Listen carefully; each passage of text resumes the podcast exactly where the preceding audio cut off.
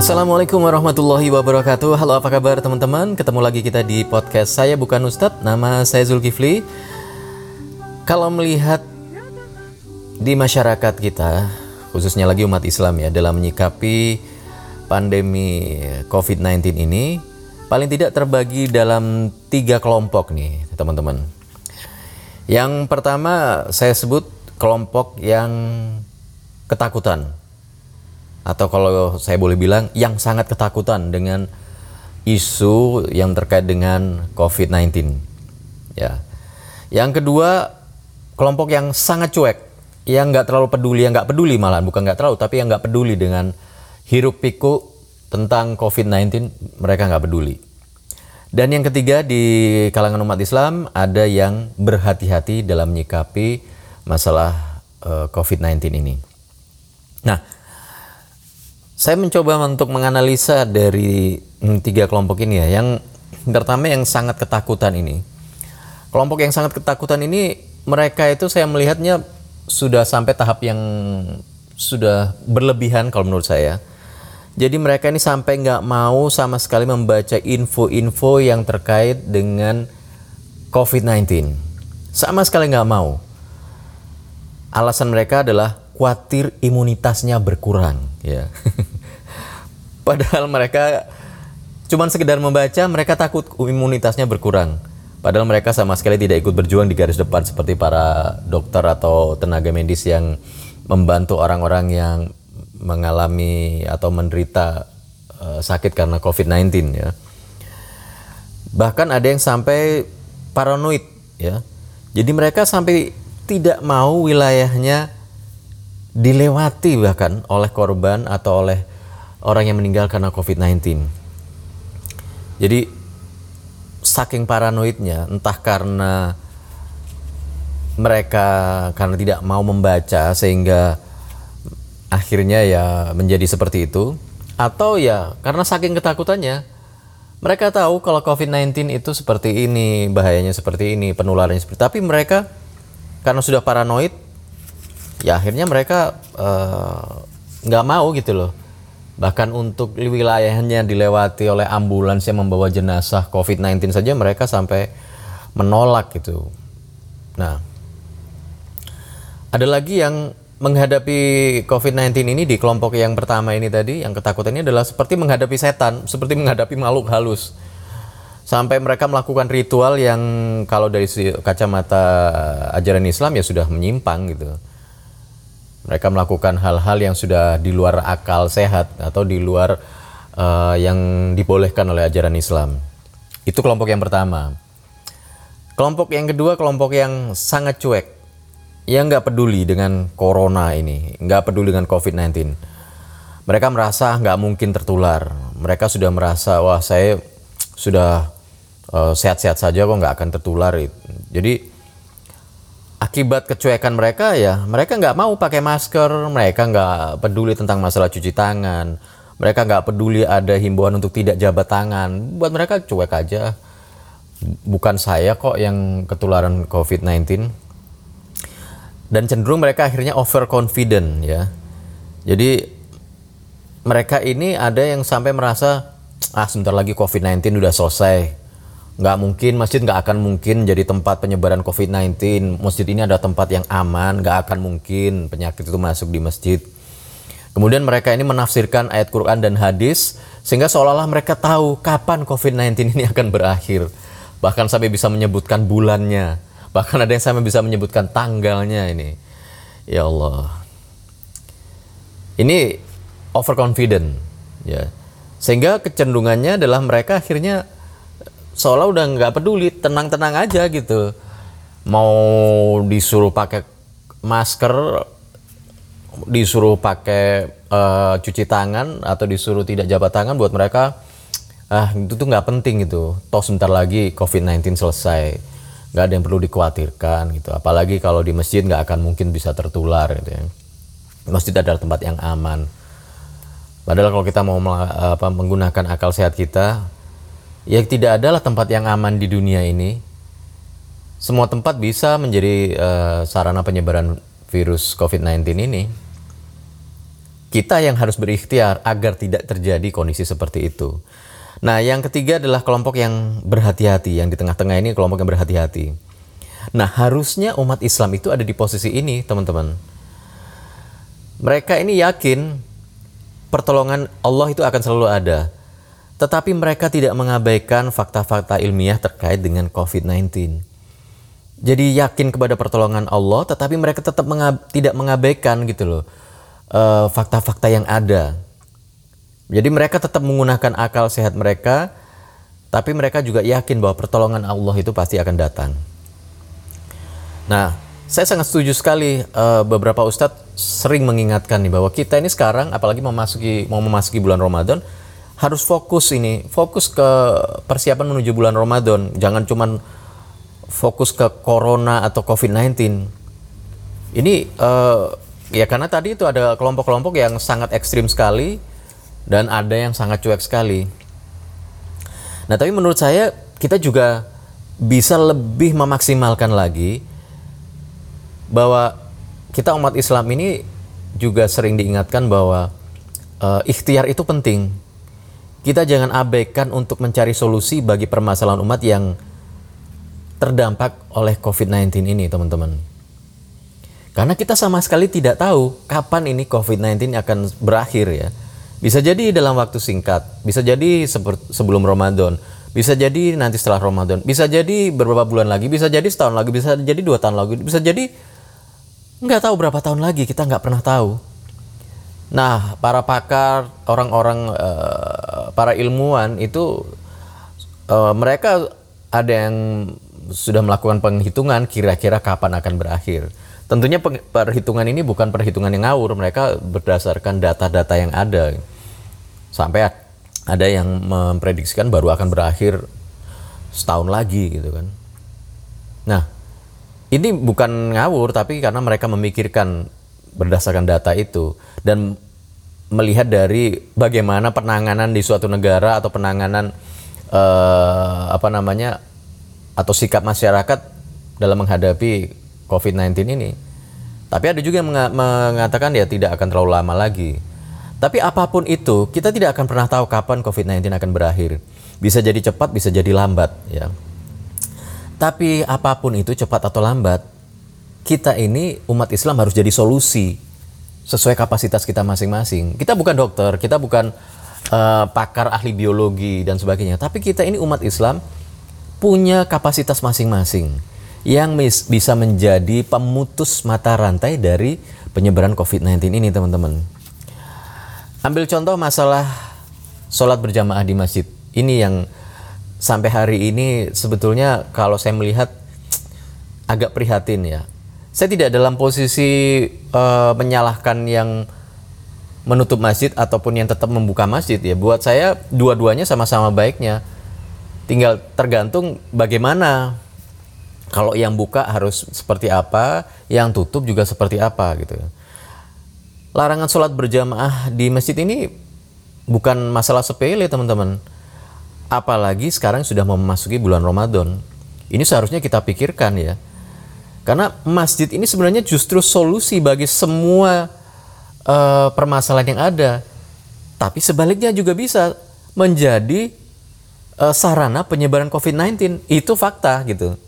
Fakta karena bisa kita bayangkan ada sekian banyak orang berkumpul dalam satu ruangan, kemudian uh, mereka mengabaikan protokoler tentang apa namanya uh, penyebaran COVID-19 itu bisa terjadi seperti apa? Enggak, bukan hal yang bukan hal yang tidak mungkin kalau akhirnya itu bisa menjadi sarana tempat penularan yang paling cepat di dalam masjid. Tapi bisa juga masjid ini menjadi solusi. Nah ini yang uh, saya ingin apa namanya berbagi di sini ya. Saya melihat di sini peran kita umat Islam, termasuk juga para ustadz ini sangat penting sekali. Selain mengingatkan jamaah untuk uh, fokus juga menyiapkan untuk Ramadan, tapi kita juga harus ingatkan para jamaah ini untuk fokus menjaga kesehatan kita menjadi solusi bagi pemutus mata rantai penyebaran COVID-19. Ini masalah yang nyata, masalah yang real gitu loh. Kenapa tidak umat Islam menjadi solusi? Kenapa bisa saya katakan solusi? Karena coba kita bayangkan saja ya. Masjid ini sebenarnya adalah tempat yang paling bersih. Artinya kalau masjid uh, selama ini dikhawatirkan menjadi tempat penyebaran COVID-19, ya bisa bisa juga gitu. Kalau tidak dijalankan atau uh, kalau jamaahnya tidak menjalankan uh, apa yang seharusnya menjadi uh, protokoler atau SOP ketika memasuki masjid. Dan ini mestinya yang harus kita kampanyekan gitu. Bagaimana masjid ini sebelumnya menjadi solusi bagi permasalahan umat termasuk terkait dengan pemutusan mata rantai penyebaran COVID-19. Coba bayangkan, dari dulu sampai sekarang, setiap umat Islam yang akan masuk ke dalam masjid itu harus bersuci, membersihkan diri, berwudu. Ini luar biasa, ini jarang sekali yang mengangkat, benar-benar mengangkat dalam bahasa yang populer sehingga masyarakat dan dunia tahu bahwa umat Islam ini sebenarnya udah paham masalah kebersihan tapi memang umat Islamnya sendiri tidak paham bahwa itu adalah bagian dari ajaran kebersihan. Sebagian hanya melakukan sebagai ritual belaka bahkan mungkin hanya sebagai gugur persyaratan tetapi tidak sebagian tidak menyadari bahwa itu sebuah proses yang sangat luar biasa diajarkan di mana sih tempat di dunia ini yang mengajarkan kebersihan harus mencuci tangan, harus bersih seluruh tubuh ini bahkan dalam satu hari sampai lima kali kalau tidak dalam ajaran Islam, dalam ajaran berwudu. Coba kita bayangkan, ketika masuk masjid orang harus berwudu terlebih dahulu. Berwudu itu mencuci tangan tiga kali dicuci, ya. Kemudian setelah itu berkumur, itu berkumur itu masukkan air kemudian dikeluarkan. Begitu juga mem, uh, hidung menghirup air ke dalam hidung kemudian dikeluarkan setelah itu langkah berikutnya mencuci muka. Bayangkan membersihkan muka ya. Kemudian setelah itu membersihkan tangan sampai siku. Mengalirkan air membersihkan tangan sampai siku dua, dua, dua tangan ini. Kemudian setelah itu mengusap rambut, membersihkan rambut pakai air itu. Kemudian setelah itu membersihkan telinga. Ya, kedua lubang telinga dan yang terakhir adalah mencuci kaki. Kenapa kita tidak memikirkan luar biasanya hal ini dan kenapa ini tidak dikampanyekan gitu. Wudhu ini luar biasa sekali. Sehingga setiap umat Islam yang masuk ke dalam masjid, apalagi di Islam ketika masuk ke ruang ibadah harus melepas sepatu atau sandal di luar kan. Itu pasti akan bersih gitu. Nah mungkin akan muncul pertanyaan, sekarang ini kan lagi COVID-19, penyebarannya bisa juga orang itu batuk, uh, orang itu menyebarkan, uh, mungkin dia sudah berwudu tapi kemudian di dalam salaman atau tadi wudhunya di rumah, kemudian waktu masuk masjid salaman, dia sudah memegang-megang apa tadi di jalan. Ya, bisa jadi seperti itu. Oleh karena itu, kita harus pikirkan ini atau kita harus lakukan secepatnya solusi ini. Mumpung masjid-masjid belum semua diminta untuk ditutup, teman-teman. Bayangkan kalau semua masjid sudah tutup ya sudah selesai. Kita sudah nggak usah mikirin lagi ngomongin masjid gitu loh. Kita sudah nggak usah fokus masalah uh, eh, COVID-19. Kita fokus aja masalah ibadah. Tapi kalau seperti saat ini kita lihat, seperti beberapa waktu yang lalu saya juga sampaikan di podcast saya, masjid ini ada yang masih tetap buka, ada yang tutup, sebagian buka, sebagian tutup. Ini kan sebetulnya sama juga bohong kalau saya bilang. Sekarang coba bayangkan, ada masjid yang tutup. Oke, jamaah yang masjidnya ditutup, akhirnya dia akan mencari masjid yang tetap buka. Gitu. Apalagi nanti ini bulan Ramadan, masjid-masjid yang buka tetap melaksanakan sholat terawih sementara kita tidak pernah memikirkan bagaimana ini kalau masjid tetap buka. Kan kita harus ikhtiar nih kita kan bukan pasrah oh masjid oh kita kalau karena masuk masjid aman kita oh, akan dilindungi tidak akan tertular. Loh tetap prosedur untuk memutus mata rantai itu harus tetap kita lakukan itu bukan hanya hanya sekedar berdoa atau pasrah enggak. Tentu kita ingatkan ada uh, hadis yang mengatakan seandainya besok kiamat saya masih akan kita menanam biji kurma hari ini pun kita dapat pahalanya gitu loh. Besok kiamat gitu loh. Kita nanam sekarang ini kan udah nggak ada gunanya tapi kita tetap dapat pahalanya.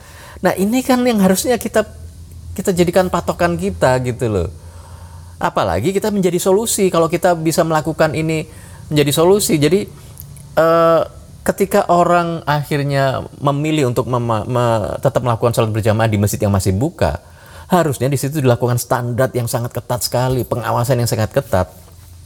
Bagaimana caranya? Yaitu beberapa masjid di Malang saya melihat mereka sudah menerapkan aturan untuk pelaksanaan sholat terawih nanti bulan Ramadan.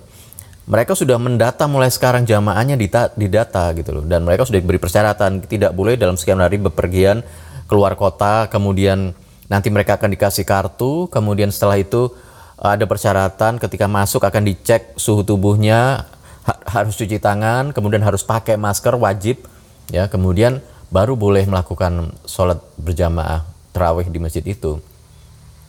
Jadi sebenarnya itulah yang perlu dilakukan. Nah saya membayangkan seandainya ustadz-ustadz yang ada di terutama yang masjid-masjid tetap buka kenapa tidak disampaikan saja gitu loh ustadz ini menyampaikan kepada jamaahnya aturan main yang diberlakukan di masjid itu. Nah mungkin alasannya adalah wah ini marga di sini susah eh, nggak uh, bisa kita me, melarang-larang atau me, melakukan aturan seperti itu loh.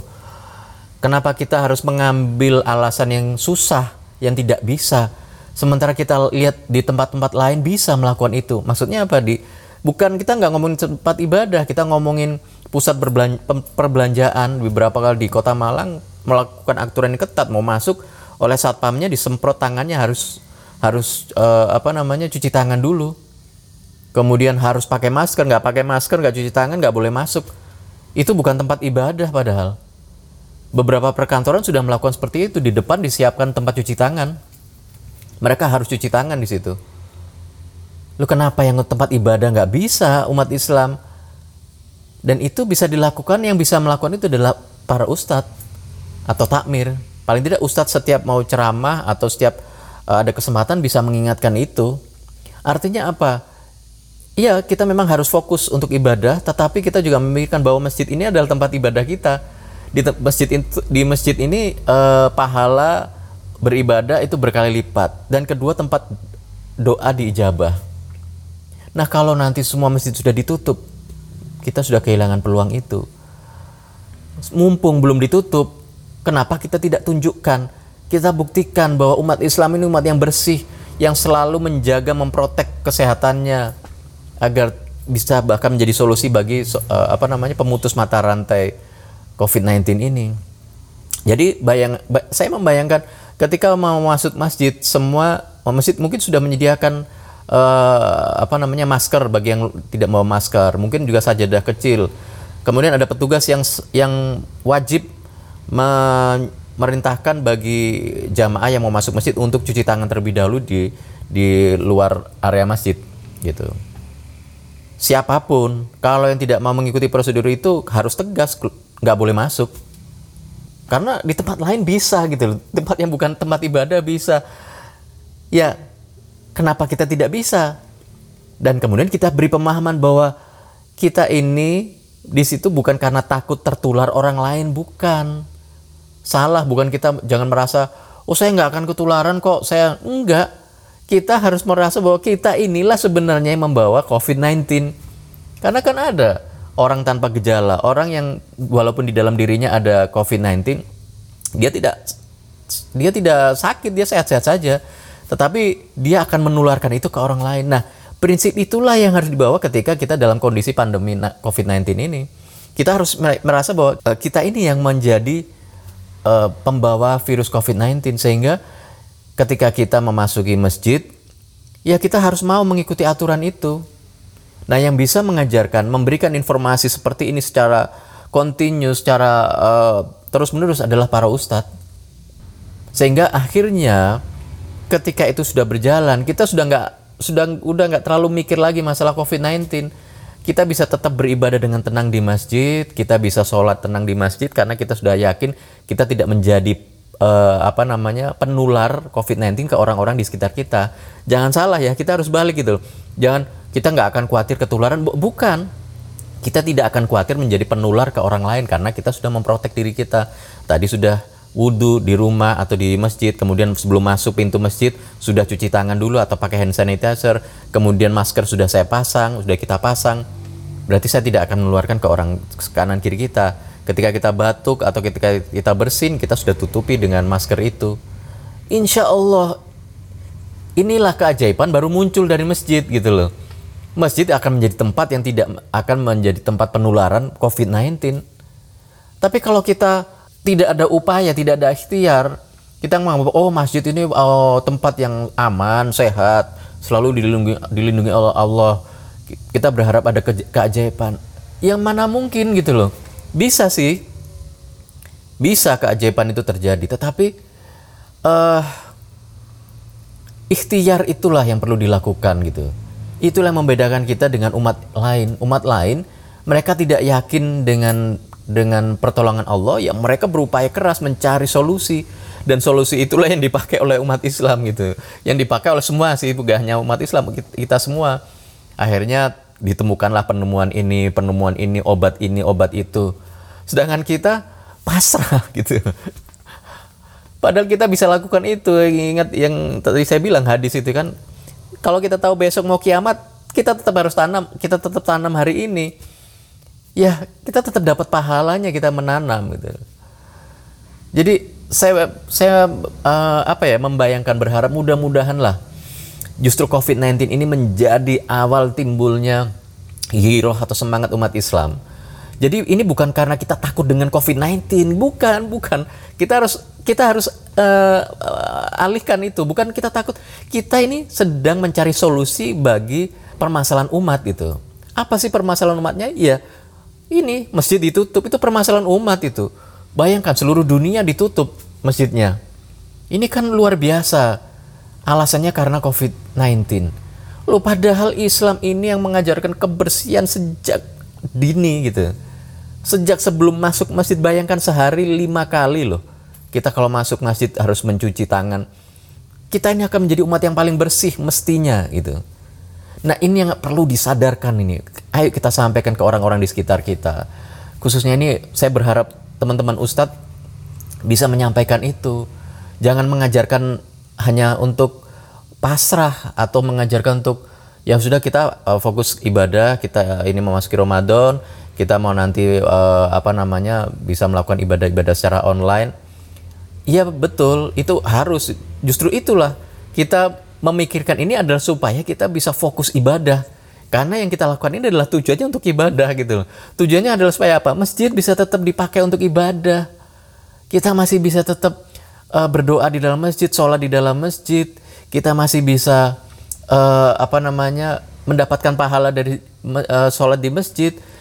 Jadi kita hanya tinggal merubah cara berpikir kita gitu. Jadi ini bukan bukan karena kita takut COVID-19-nya bukan, karena kita sedang mencari solusi untuk permasalahan umat di seluruh dunia, bukan cuma di sekitar kita tapi seluruh dunia. Kita kampanyekan bahwa masjid ini tempat yang paling bersih. Sebelum masuk kita sudah wudhu dulu. Tapi karena COVID-19 ya kita kita proteksi lagi apa? Cuci tangan, pakai masker, dan itu wajib hukumnya diingatkan oleh para ustadz atau takmir masjid. Kalau perlu bikin poster pasang di depan. Kalau uh, warga yang cengkal atau istilahnya apa ya bahasa Indonesia, yang bandel gitu ya, cengkal ini bahasa Jawa ya, bandel, ya harus tegas gitu loh. Karena ini bukan masalah apa, karena ya kita harus tanamkan bahwa kita lah ini masing-masing diri kita inilah penyebar virusnya, gitu. Jadi uh, saya cuman berharap mudah-mudahan lah kesadaran ini timbul dari umat Islam. Karena ya kondisinya sekarang ini benar-benar tidak uh, apa ya? Ada masjid yang buka, ada masjid yang tutup. Ini percuma gitu loh. Memutus mata rantai tetapi kondisinya tidak tegas seperti ini. Kalau memang mau tutup ya harus tutup semuanya. Tutup semuanya wajib sudah selesai. Kalau sudah tutup semuanya sudah kita fokus sudah kita nggak usah mikirin masjid lagi. Kita udah mikirin kita ibadah kita masing-masing keluarga kita fokus ke situ. Tapi kalau selama masih ada masjid yang buka ini permasalahan umat. Kenapa? Loh ya masjid itu buka orang tetap ke sana. Dan terus untuk apa gitu loh? Kan kita harus memikirkan ini COVID-19 ini fakta real gitu. Kalau masih ada masjid yang buka berarti penularan masih bisa terjadi di situ. Kalau kita menganggap bahwa masjid yang tutup itu untuk menghentikan mata rantai. Berarti kalau ada masjid yang buka, Berarti kan ini ada pelanggaran ini, ada kemungkinan penyebaran COVID-19. Tapi bagaimana supaya tetap bisa tetap sholat di situ? Ya oke, berarti kita harus lakukan proteksi. Proteksinya ya itu tadi yang seperti saya ceritakan tadi. Sebelum masuk masjid, walaupun sudah berwudu harus cuci tangan dulu di depan atau pakai uh, hand sanitizer. Kemudian wajib pakai masker. Kemudian kalau perlu harus bawa sajadah sendiri. Sudah itu saja sebenarnya sih. Insya Allah kalau itu dilakukan dan para ustadz ini terus menerus mengkampanyekan hal ini, saya yakin masjid akan justru menjadi percontohan tempat yang paling bersih, tempat di mana umat bisa eh, menjadi menemukan solusi-solusi bagi permasalahan yang ada di sekitarnya, termasuk di dunia. Sehingga akhirnya apa? Kita bisa beribadah dengan nyaman gitu loh.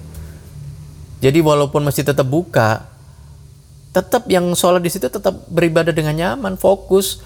Kita mau terawehan juga ayo, kita mau sholat malam juga ayo. Ibadah kita bisa maksimal, kita bisa berdoa bersama berjamaah agar COVID-19 ini bisa segera berakhir.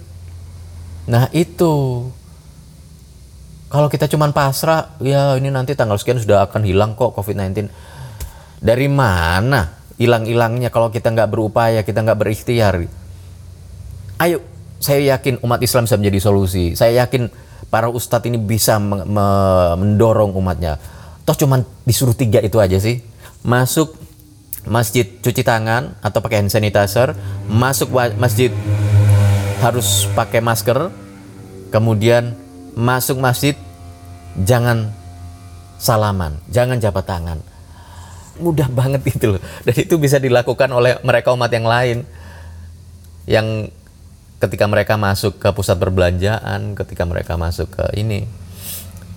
Terus saya juga ingat ini saya, uh, mereka yang apa namanya yang tidak ingin yang memprotes uh, kenapa masjid harus ditutup sementara pasar kok tetap buka. Loh ini logikanya kan gini loh.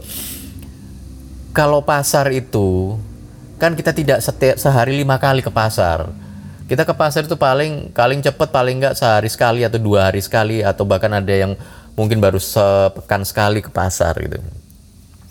Sedangkan kalau ke masjid kita ke masjid itu paling tidak itu seharusnya itu kan lima kali saat sehari lima kali atau biasanya mereka kalau mungkin karena kerja ya mereka sehari mungkin tiga kali mungkin maghrib as isya dan subuh Mungkin setelah itu kalau sholat di tempat kerja masing-masing masjid yang berbeda gitu.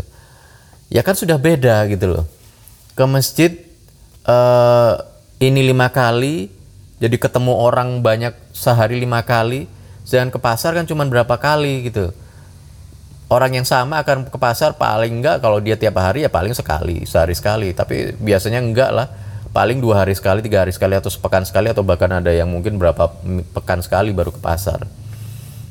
Jadi ini bukan jadi sebenarnya ini bukan masalah kita jangan melihat ke sana gitu. Udah gak usah mau di pasar orang mau tetap belanja, udah kita nggak usah mikir itu, kita mikir yang di masjid ini loh. Kita pingin nggak tetap bisa sholat di masjid. Kalau pingin, ya kita harus lakukan itu. Kita jadi percontohan, kita tunjukkan gitu umat Islam seperti apa. Kalau kita pingin tutup, memang wah itu tetap resiko anu. Kalau mau tutup ya tutup semuanya.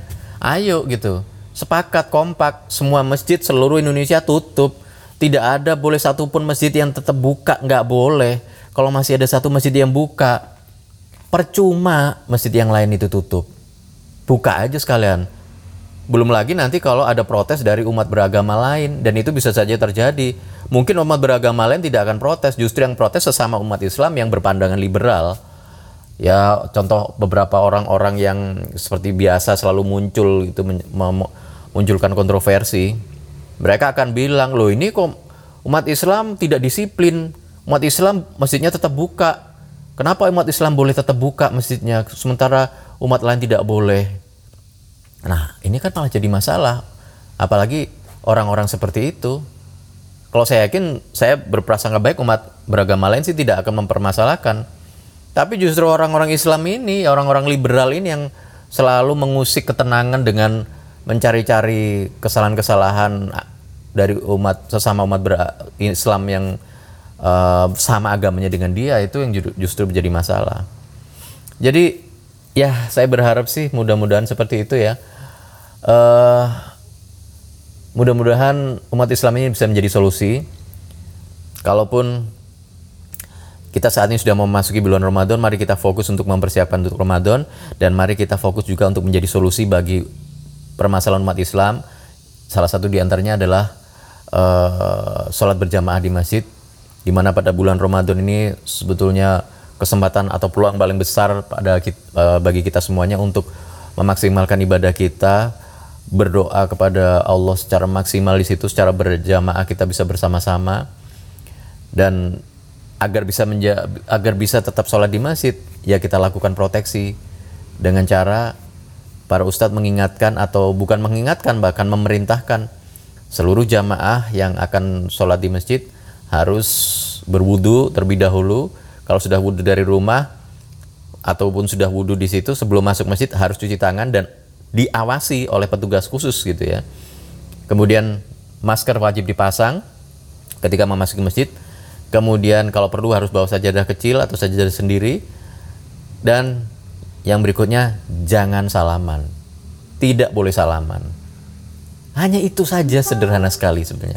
Insya Allah masjid akan menjadi solusi bagi pemutus mata rantai COVID-19 ini. Insya Allah. Dan kita tidak akan kehilangan peluang pahala, tapi yang terutama sekali kita jadikan masjid ini tempat uh, solusi bagi umat bahkan tidak bagi umat Islam saja tapi bagi uh, seluruh umat manusia di seluruh dunia ini. Oke, okay, mudah-mudahan apa yang saya sampaikan ini uh, bisa memberikan manfaat ya. Tidak menjadi malah pro kontra. Dan kalaupun ini dianggap bermanfaat, mudah-mudahan bisa di-share ke yang lain sehingga yang lain pun bisa mendapatkan manfaat.